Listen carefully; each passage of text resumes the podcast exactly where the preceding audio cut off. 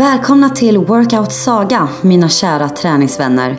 I denna podcast möter vi Sveriges främsta träningsprofiler och får ta del av deras egen träningssaga. Hur de har tagit sig dit de är idag.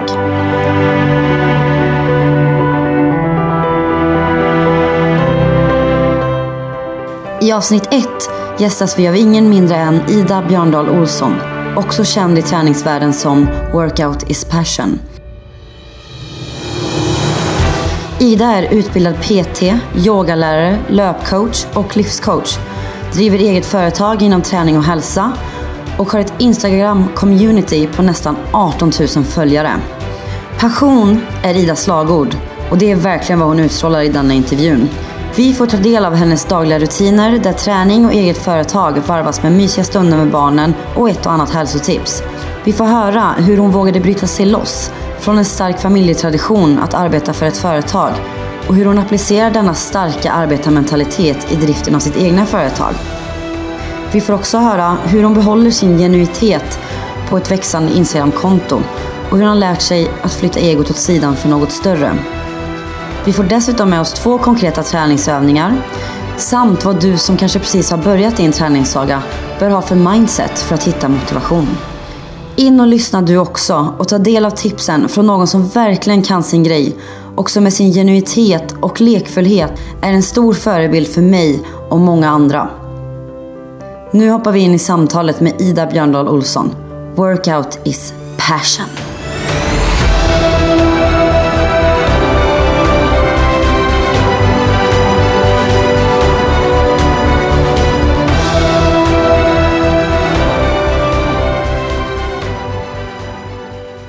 Hej Ida! Hej Johanna! Välkommen hit! Tack snälla! Eller välkommen hit säger jag. Jag sitter i och för sig hemma hos dig. Ja precis, Ja. du är välkommen till Slätta. Ja, det känns helt underbart att vara här faktiskt. Jag tänkte faktiskt att vi skulle börja med, hur har din morgon sett ut idag? 05.50 slog, slog de blå upp eh, och eh, så låg jag och drog mig en stund och myste med min son som låg bredvid. Eh, och sen så gick vi upp vid halv sju och så gjorde vi frukost och myste lite. Jag brukar alltid stretcha lite på mattan. Eh, jag har diskbrock så jag har lite ont i ryggen. ja. Och vissa morgnar när jag vaknar så behöver jag twista den lite för att väcka den till liv så man inte går och packar ur diskmaskinen och rycker tag i någonting så kan det bli väldigt illa. Eh, och så käkade vi frukost, hela familjen och sen så tog jag Charlie en promenad. Eh, så jag har vilodag idag faktiskt. Men jag är beroende av frisk luft. Så det är inte själva motionen jag behöver, jag behöver komma ut och få frisk luft. Eh, så en mysig promenad och så cyklade han. Eh, och sen så kom vi hem och då gjorde jag en grön smoothie och duschade och så kom du. Ja, så himla gott. Här sitter vi med våra gröna smoothies. Ja, nu får du smaka om du Ja, tycker att den är god. ska smaka Du ska ju börja dricka det varje dag har du sagt. Ja, jag vet. Det, det, här, är, det här är step number one då. Smoothies då, hör det också till eh, någon daglig rutin? Ja, ja men det glömde jag säga. Att när jag går upp på morgonen så dricker jag alltid varmt citronvatten. Det är min så här, rutin. Så jag pressar en halv citron med och kokar upp ljummet vatten. Eh, och sveper. Så det är det första jag tar. Det Var, um, var kommer den idén ifrån så att säga? Jo, dels började det väl med att jag hörde det att det kan vara bra för magen. För jag har lite IBS, eller har haft, det har blivit mycket, mycket bättre. Eh, och eh, hela kroppen mår faktiskt väldigt bra. Vi är ju väldigt sura i kroppen. Och när man dricker det här sura på morgonen så blir det Citron är basiskt. Eh, och försurade kroppar får ofta olika symptom såsom magont eller dålig hy eller sömnbrist. Allting beror på, eller mycket beror på pH-värdet i kroppen. Eh, så att då försöker jag hålla mina tarmar basiska och då börjar jag med citronvatten. Istället för en kaffe, för kaffe försurnar ju kroppen. Ah, Ja. Så annars är det väldigt vanligt att gå upp och ta en kaffe och det gör jag ibland också, men det är väldigt sällan. okej. Så du börjar med för att liksom få ner surnivån? För att bli lite basisk i kroppen, ja precis. Och det har hjälpt jättemycket till, mycket tycker jag. Det blir en utrensning på något sätt. Och man känner, ja, för man vill ofta ha det här varma. Man vill dricka någonting, eller jag vill i alla fall. Och bara byta ut mot kaffet och så tar man kaffet sen, senare när kroppen har kommit igång lite. Har gjort underverk med mig. Vad har du mer för dagliga rutiner? Morgonen är väl det som verkligen är rutin tror jag. Det här med att gå upp tidigt, citronvatten, Eh, gå ut och gå tycker jag är väldigt härligt på morgonen. Eh, ska jag inte träna mer under dagen då kan jag jogga. Och då joggar jag ganska low pace. För jag har inte jättemycket kraft på morgonen. Jag vill mer så bara väcka kroppen. Ehm, så jag skulle aldrig gå ut och köra ett intervallpass eller palla och gå till gymmet och lyfta vikter. Utan mer mysjogg verkligen. Low pace, härligt för att få frisk luft och, och ge sig ut. Så jag ställer mig inte på bandet oavsett väder. Ehm, jag går alltid ut. För jag älskar att frisk luft. Ja. Så det börjar jag med. Eh, och sen så kommer jag hem och då väcker jag barnen eller om de har vaknat. Ger ordning frukost, går med dem till skolan, eh, sätter mig på kontoret ofta några timmar på morgonen och på förmiddagen.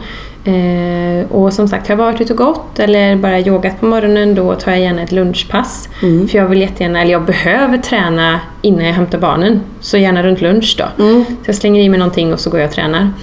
För eftermiddagarna sen när, de väl, när jag hämtar dem så är det full kareta. Ja. Det är läxor och det är aktiviteter och du ska storhandla, man ska laga mat. Och i och med att jag är så kvällstrött så kan jag liksom inte få till min träning efter klockan åtta när de har gått och lagt sig. Då är jag finito för dagen. så att jag har hittat ett mönster där jag presterar bäst morgon, förmiddag, dag och sen eftermiddag, kväll låter jag mig ha lite lägre tempo och ägna mig åt barnen. Baserat på det som du berättar nu, hur ser en klassisk träningsvecka ut för dig? Det varierar. Jag älskar att variera min träning.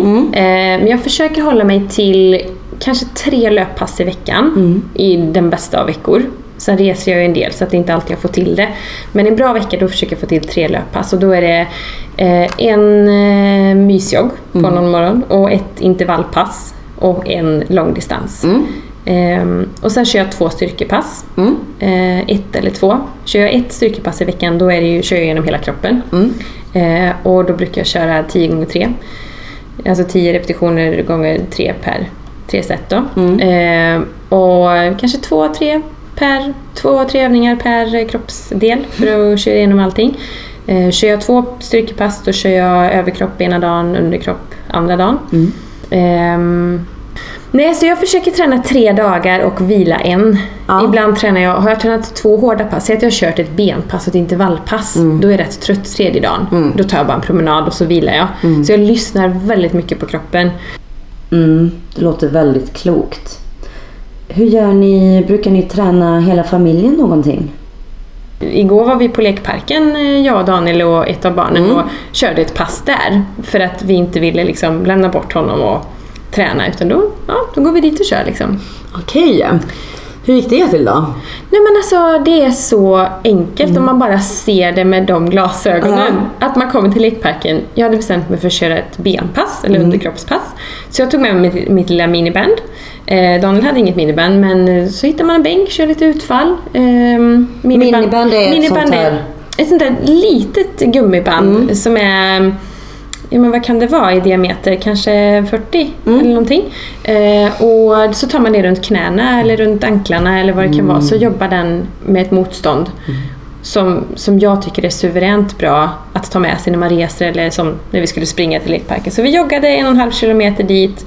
Körde ett pass på kanske 25 minuter, en halvtimme med ben, olika benövningar. Gungan, jättebra att sätta ena benet i barngungan.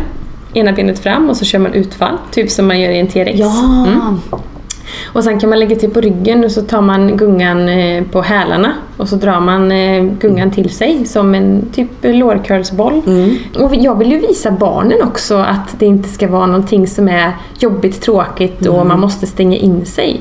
Utan man kan göra det var som helst och man är glad när man tränar. Ja. Och man gör det för att man tycker att det är roligt. Så barnen är ju aktiva och tycker verkligen att det är roligt. Mm. Ja, för det känns ju verkligen som att du skapar någon form av lekkänsla då runt träningen. Och även för din egen del. Liksom. Det, det blir nästan som att vara ett barn igen och bara hitta Ja. på Ja, vad man visst. kan var som helst.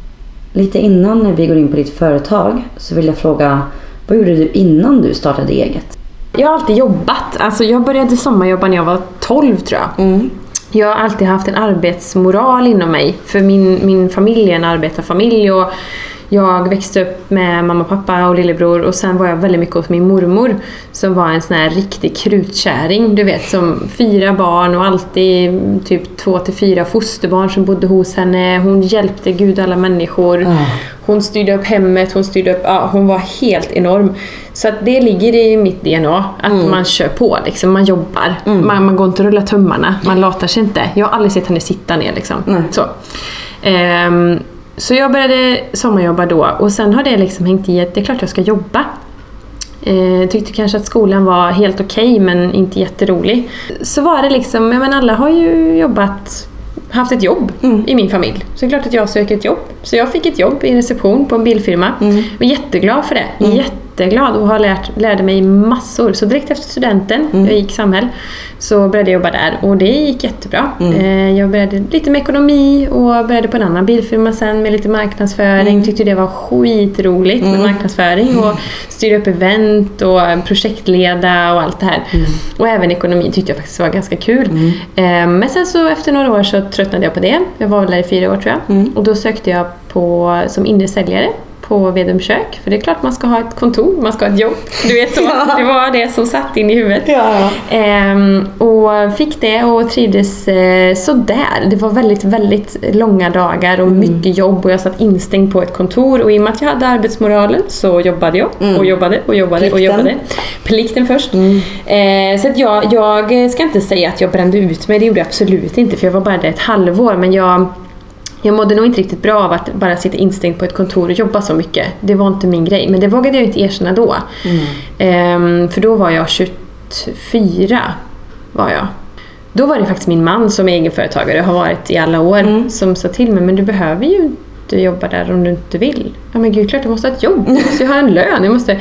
Fast man kan ju göra något annat. Men kan man? Ja, men vadå? Ja, men säg upp dig. Nej men det kan jag inte göra, jag har inget att gå till. Nej men det löser sig, säg upp dig. Ja, det var jättesvårt och hela min familj blev jättearga. Man gör inte så. Nej. Har man ett jobb ska man vara tacksam. Mm. Eh, men det skapade ju istället möjligheter hos mig. Eh, då kunde jag tänka, vad vill jag? Eh, så jag hade ett halvårs eh, break, det hjälpte Daniel lite med ekonomin i hans bolag. Eh, Så jag jobbade ju ändå, men jag hade ändå ett, ett break till att kunna tänka till lite. Sen eh, efter det så kom jag på att jag vill, jag vill bli hudterapeut. Mm. Då började jag plugga till det. Eh, Just för att jag ville jobba med hälsa. Och sen så ledde det ena till det andra. Jag tänkte vi skulle gå in lite på det företaget som du driver.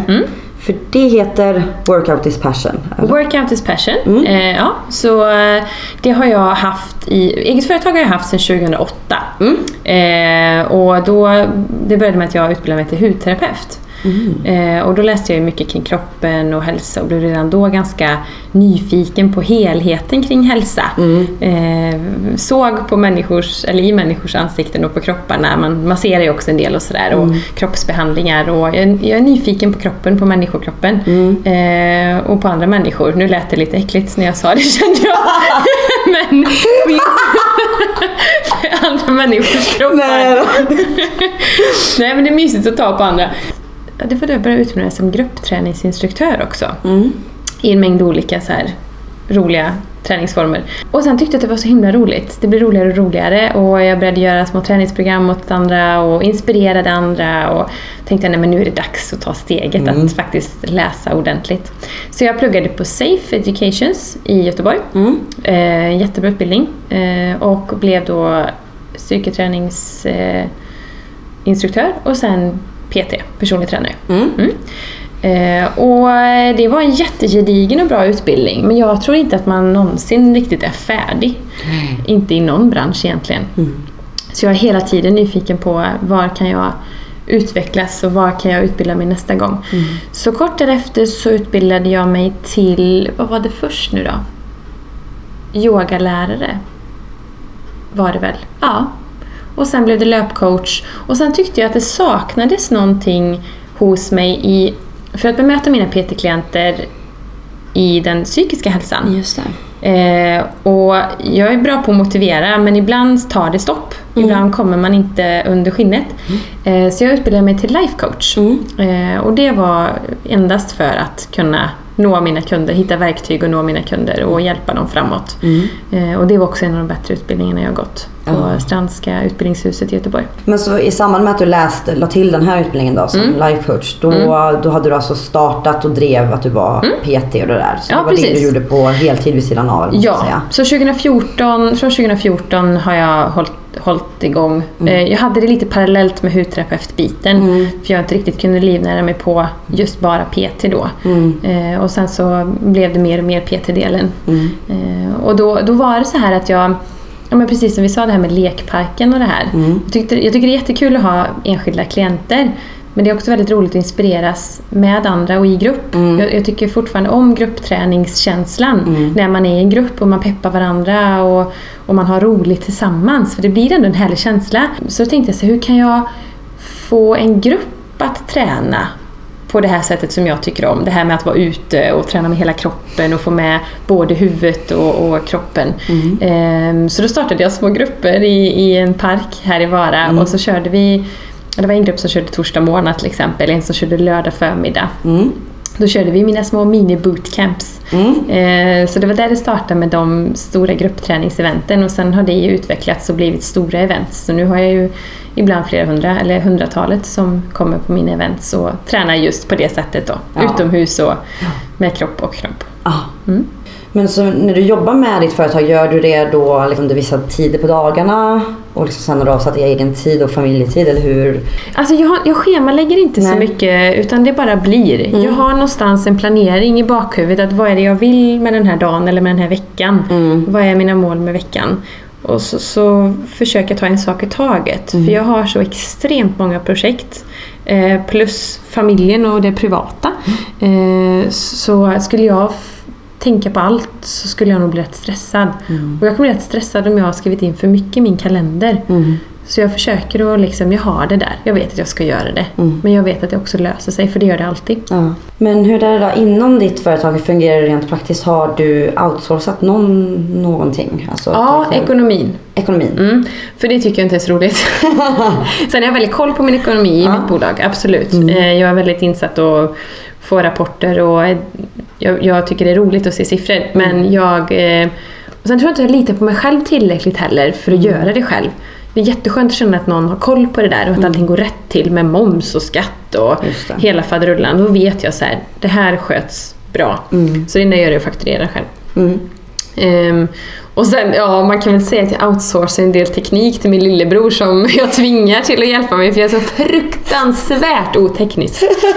fruktansvärt! Och jag blir arg när jag tänker på hur oteknisk jag är. Jag bo- borde verkligen lära mig för att tekniken går bara framåt. Jag kommer Ja. ju vara som en dinosaurie om tio år. Vem är det som tar alla bilder då? Jag tar ganska mycket själv. Mm. Faktiskt. Eh, jag, ser, jag har ett bildöga. Jag har lärt mig med Mm. åren och bara så här, här blir en bra bild, så, smack. Eh, är Daniel med så får han ta dem. Och då säger jag så här, så här vill jag ha bilden, Mm. Ja. för jag ser den direkt. Så jag har ju väldigt svårt för att vara ute och jogga och inte se bilder, utan jag säger så här, när det här blev en bra bild. Jag går, springer inte och tänker på när jag kan ta bilden utan det är så här, oh, det här blir bra, här stannar vi. Den här vinkeln, stå här, gör så här och så tar vi den. Eh, sen så till vissa samarbeten eh, där det ska vara lite bättre bildkvalitet så har jag en fotograf här i Vara eh, som hjälper mig. Ja, gud vad bra. Men de flesta bilder är jag själv, så 90% är jag själv som tar med självutlösaren eller mm. Hitta någon stubbe eller något eller? Precis, och ibland, jag vet någon gång har jag stannat någon på gatan bara kan inte du bara ta den, bara knappa av här. Om jag inte kan. Ja. Nej men det, kan inte skämmas för sånt. Nej, Nej. det går inte. Nej, ja, men alltså, jag är precis likadan. Alltså, att jag gärna vill ta helst bilderna själv för man Ja. vet ju hur man vill att de ska se ut. Mm. Men så på tal om bilder då. Hur eh, ställer du dig till att ditt Instagramkonto har vuxit och blivit så stort som det är idag? Jag kan nästan få lite panik nu när man börjar bli... Ja, men jag är inte stor på Instagram, men jag har 17 000 följare. Eh, jag vet, det har aldrig varit mitt mål. Nej. Att här, bli känd eller bli någon profil. Mm. Jag vill inspirera andra och jag vill verkligen att andra ska må bra. Mm. Det, när någon skickar ett mail eller ett sms eller vad det nu kan vara om att jag har hjälpt dem på något sätt. Mm. Det är där jag får min belöning. Jag blir inte så motiverad eller triggad av när någon skriver Åh vad fin du är. Nej. Tyvärr, det, det är inte där jag liksom går igång på. Mm. För jag är helt trygg med mig själv. Eh, och bara min man tycker att jag är fin så är jag jätteglad för det. Så, så, um, så man blir lite skrämd ibland att med, men with great power comes great responsibility. Mm. Och det är så rätt. Så man hoppas ju att de som följer och de som ser att de bara tar det på rätt sätt. Att de känner själva att de vill bli lyfta. Mm. Och att de blir lyfta, det är det som är mitt syfte. Ja. Och det är ibland lite frustrerande att man inte kan säga till alla. Utan att det kan bli... Och alla är i olika sinnesstämning Mm. när de tittar, när de läser. Jag kan ju aldrig vara i deras huvud. Hur de känner just den här morgonen när jag lägger ut det här inlägget. Nej. När jag är hurtig och ute och springer. En del kan ju kräkas på det. Mm. Medan andra blir jätteinspirerade. Mm. Men när jag kommer ut och har min event, då vet jag att de som har kommit dit har gjort ett aktivt val att röra på sig och bli inspirerade. Och då är det så mycket lättare att så här, se dem i ögonen och det är det här jag vill. Jag vill att du ska må gött idag. Jag vill att du ska ha roligt. Jag vill att du ska gå härifrån med ett leende och känna att du är bättre än när du kom. Ja. Så, så eh, kombinationen där, men jag hade ju helst bara varit ute och gjort event och träffat människor. Ja. Men det är ett väldigt bra sätt att nå fler. Ja, just genom Instagram och Facebook och bloggen och allting. Just det, just det. Mm. Men det låter som att du är inne på någonting där kring det här med vikten av Ja men när man växer så på Instagram, alltså hur be- bevarar man sitt varumärke, Ja. sitt core? Mm. Liksom? Exakt. Är det någonting som du upplever är svårt? Ja men emellanåt är Ja. det ju det. Alltså jag är jätteglad att jag har yogan inom mig som ser till att hålla borta egot Mm. Ja. och intellektet och, och försöker hitta det högre jaget som faktiskt för mig handlar om att ge till andra. Mm. Eh, för ibland tar egot över. Ja. Det tror jag det gör för alla. Ja. Och gud, nu måste jag lägga ut en snygg bild på mig. Ja, men nej, det måste jag faktiskt inte. Jag kan lägga ut någonting. Vad vill Lena i Lund se idag Ja. när det är torsdag? Vad behöver hon höra? Hon kanske har haft en shitty morning. Vad vill jag säga till henne?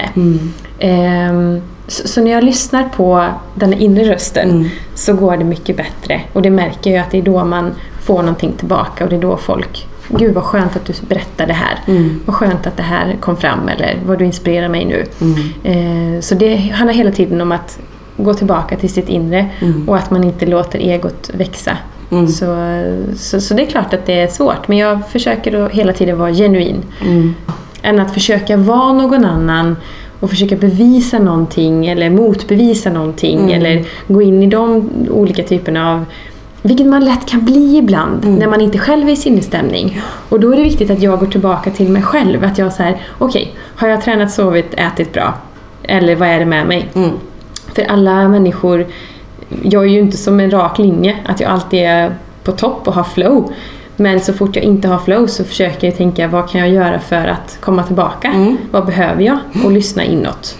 För annars så tror jag det blir lätt att man vill vara någon annan eller man jämför sig med någon annan eller man klankar ner på sig själv eller man försöker hitta fel hos andra. Så, så här, vad kan jag tanka mig själv med för att komma tillbaka till en härlig sinnesstämning? Ja. Gud vad häftigt.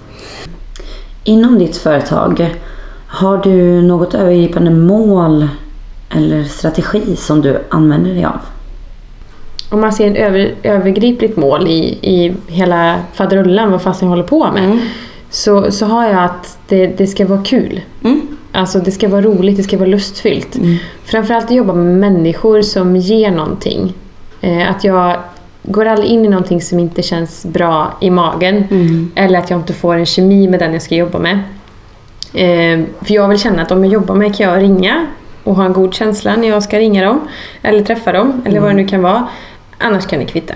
Mm. För att livet är så jäkla roligt. Det är så härligt att få vara frisk och än så länge ung Ja. och må så här gött och leva. Då tänker jag inte slösa tid på saker som jag inte vill.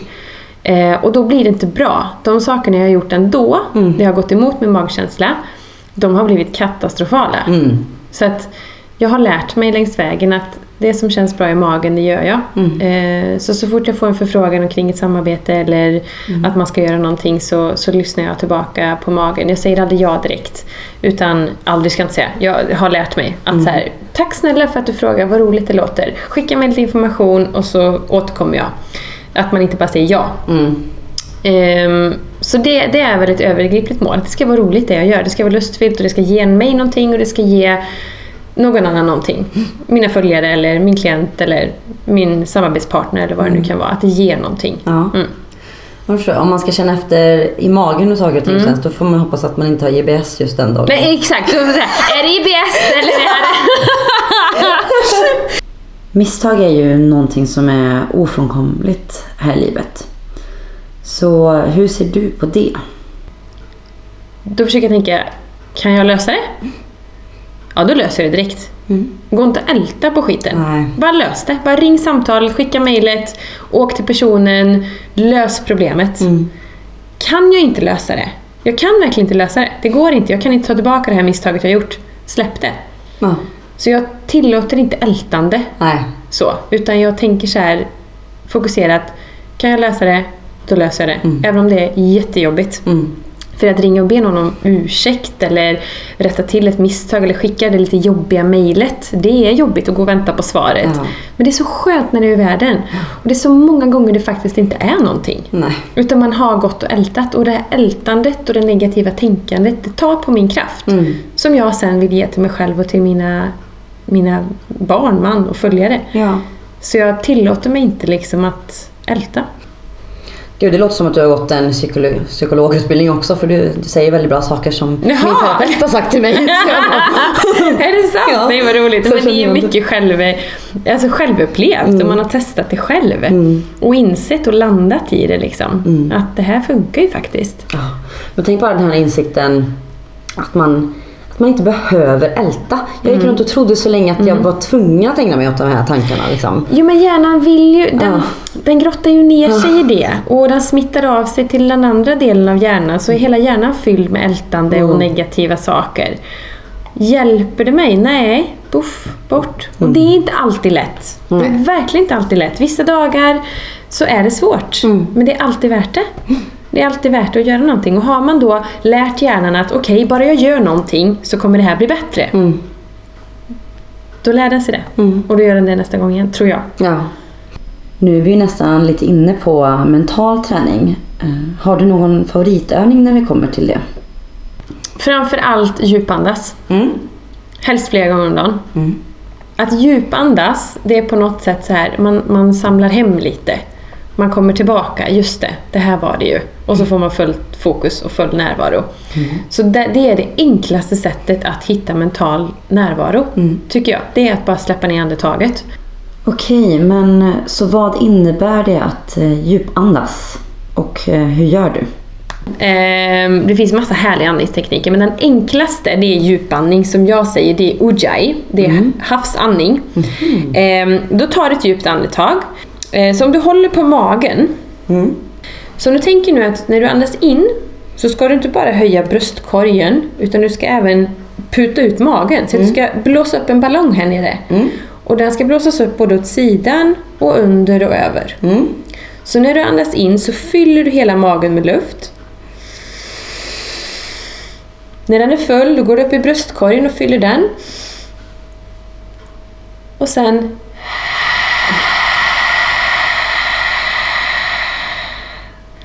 Så det här susande, brusande lätet, som att du nästan immar en ruta. Det ska du sen ha både när du andas in och när du andas ut så att du förlänger andetaget. Men fokus är fortfarande på att fylla magen, fylla bröstkorg, nyckelben, hals. Så andas in.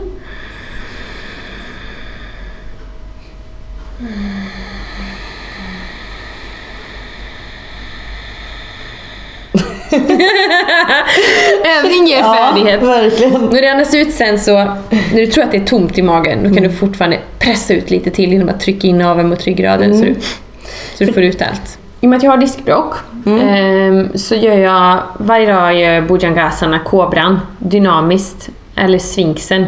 Det är när man ligger på magen på mattan eller på golvet och sen så trycker man sig upp med händerna under axlarna. Så man får en bakåtböjning i ryggen. Eh, och försöker vara avslappnad då i, i rumpan och benen.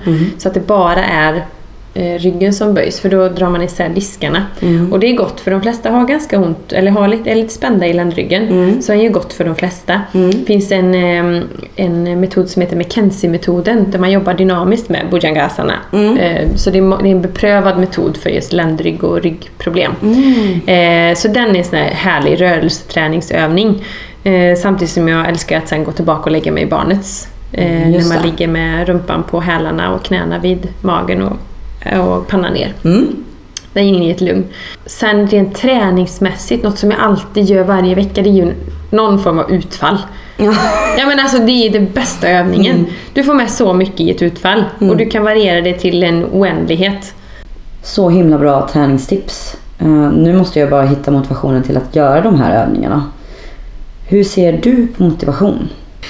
Ja, men, eh, för det första så finns det ju ingen motivation som ligger bakom ett träd eh, och gömmer sig och väntar. Utan motivationen är ju någonting du får eh, hitta inom dig. Vad motiverar mig? Du kan inte gå ut och hitta den tror jag inte. Ehm, sen kan det ibland vara bra att bara göra något, som jag sa det här med det mentala. För att när man gör något så kommer man igång och gör något mer, oftast. Det mönstret leder till någonting ännu mer. Så säg att du går från att du tränar ingenting alls så är det bättre att gå ut runt kvarteret en gång. För chansen att du vill göra det imorgon igen och kanske gå längre imorgon kommer vara större än att du bara sitter i soffan och tänker att ah, men fast jag borde gå till gymmet och köra ett hitpass här nu på en halvtimme och avsluta med en timmas yoga. Då blir steget ganska så långt. Så att motivera sig själv om man absolut inte har någon motivation, man vet inte var man ska hitta den, man vet inte var den finns. Då är det bättre att bara göra något. Eh, sen handlar det om att hitta känslan. Vad hur vill jag må? Inte bara, ja jag vill gå ner 10 cm i midjan. Det kan vara en yttre motivation som håller sig ett tag. Men om du ser till att koppla på en inre motivation, alltså hur vill jag må? Hur vill jag känna mig? Det är den som kommer hålla, hålla det längre Ja. och hålla att du kommer tillbaka gång på gång på gång. För vad jag tycker med träningen, det är så häftigt, det är att det ger en sån härlig livskvalitet i allt annat man gör. Det är inte bara skönt för stunden, det är roligt att gå och träna. Även om du tycker det så kommer det vara härligt och roligt hela dagen. För endorfinerna sitter kvar och det här välbehaget, för kroppen är gjord för rörelse. Kroppen är skapt för att vi ska röra på den. Och har man absolut ingen, men tänk då på framtiden. Vad vill du i framtiden? Vad, hur vill du må ett år från nu? Hur vill, vill du må tio år från nu? Det enda vi själva kan påverka det är hur vi rör oss och vad vi äter och, och hur vi lever. Man vet aldrig vad som händer. Men kan du investera i din kropp för att bli pigg, när du, eller fortsätta vara pigg om ett år, om tio år, så kan man ju göra det. Tycker jag i alla fall är jäkligt triggande att känna så här att fastän jag kan ju bli en pigg pensionär. För jag blir ju inte bara en pigg pensionär. Nej. Du blir ju mer och mer sliten ju äldre du blir. Ja. Alltså det är ju tvärtom. Livet bli- går ju nerför. ja, men allt eftersom att vi är 20 så slutar ju kroppen att producera lika mycket celler. Det stagnerar ju och sen så minskar det ju. Ja, och är det inte hjärnan som minskar med 1% typ per år från att du är 25 eller något sånt där? Jaha, är det så mycket? Ja. Åh herregud. Ja, du ser. Ja. Och du kan ju stagnera ganska mycket och förbättra ganska mycket genom just fysisk aktivitet. För jag tycker det är så himla bra det du säger att ja, men, börja, börja smått. Ja, ja, ja, absolut. Och Så man ta- inte går ut för hårt. Nej, gå ut för hårt. Ta en, ta en promenad runt kvarteret. Nej, och har du då en yttre motivation, att du vill gå ner i vikt eller du vill få ribs, eh, eller ribs, eller så ribbad mage, alltså abs. Då, då är det klart att du inte får det utav det. Men vad är det som betyder någonting i livet Ja. egentligen? Är det att kunna visa magen tre dagar per år på en strand? Ja, eller, eller att ha en, en härlig god natts sömn? Ha aptit att äta dina grönsaker eller ha fokus nog att arbeta eller ha närvaron till att lyssna på dina barn. För det är ju vad fysisk aktivitet ger dig som är så mycket mer belöning än just det här äh, midjemåttet som du får. Då är vi nästan lite inne på kanske vad, vad råden är till någon som precis har börjat sin träningssaga. Ja, precis. Att man ska ta det, gör bara någonting.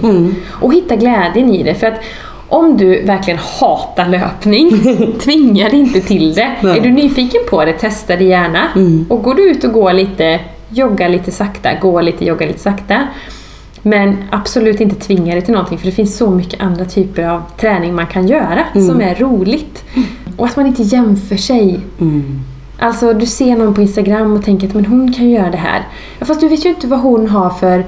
Du, du kanske har sovit fem timmar i natt. Du kanske har en jättestressig vardag. Du har ätit dåligt. Då kan du inte träna som hon har gjort för hon kanske har sovit nio timmar i natt. Ätit klockrent och varit ledig från jobbet. Och har orken att träna det här passet. Så du kan aldrig jämföra dig med någon annan och vart de är i sin lilla saga i livet. Utan var är jag? Var, var har min saga precis startat? Ja men bra, då ska jag jämföra med mig själv. Och skriv gärna ner hur du mår just idag. För det är ganska roligt att, att gå tillbaka och titta. Vad orkade jag idag när jag började? Eller innan jag började? Mm. Vad orkade jag? Vad klarade jag av? Hur känner jag mig? Hur mår jag? Hur sover jag? Hur äter jag? Ehm, hur rör jag på mig i vardagen? Mm. Eh, hur är mina sociala relationer? Gör lite check på sig själv. Var står jag idag? Och sen så kör man på med sin grej om man nu har bestämt sig för att börja träna. Mm. Och ser efter om en månad, har det hänt någonting med de här bitarna inom mig? Mm. Inte bara att man går och ställer sig på vågen. Så man kommer på sig själv, men just det, jag sover ganska bra nu. Eller ja, just det, jag tycker det är väldigt gott med gröna smoothies. Jag är hungrig på lunch, det har jag aldrig varit innan. Jag har bara slängt i mig mat. Mm. Det händer saker med en. Som man kanske inte tänker på. Nej, Mm. även om du inte får synliga axlar så händer det annat med dig. Om du går från att inte träna någonting Mm. idag till att börja träna. Du tar två promenader en timme i veckan Mm. och sen så går du till gymmet två dagar och tränar någon form av pass eller styrka eller någonting. Det är klart som fasen det kommer hända saker. Mm. Men du ser dem inte alltid. Men det kommer hända saker med dig. För att träna är alltid det bättre alternativet. Ja. Att träna är alltid det bättre alternativet. Så bra visdomsord. Eh, Jag tror faktiskt att vi avslutar där eh, för den här gången. Tack så jättemycket Ida för att du var med. Tack för att jag fick vara med. Ja. Lycka till med podden. Hoppas den eh, gör succé. Tack snälla. Tack. Hejdå. Hejdå!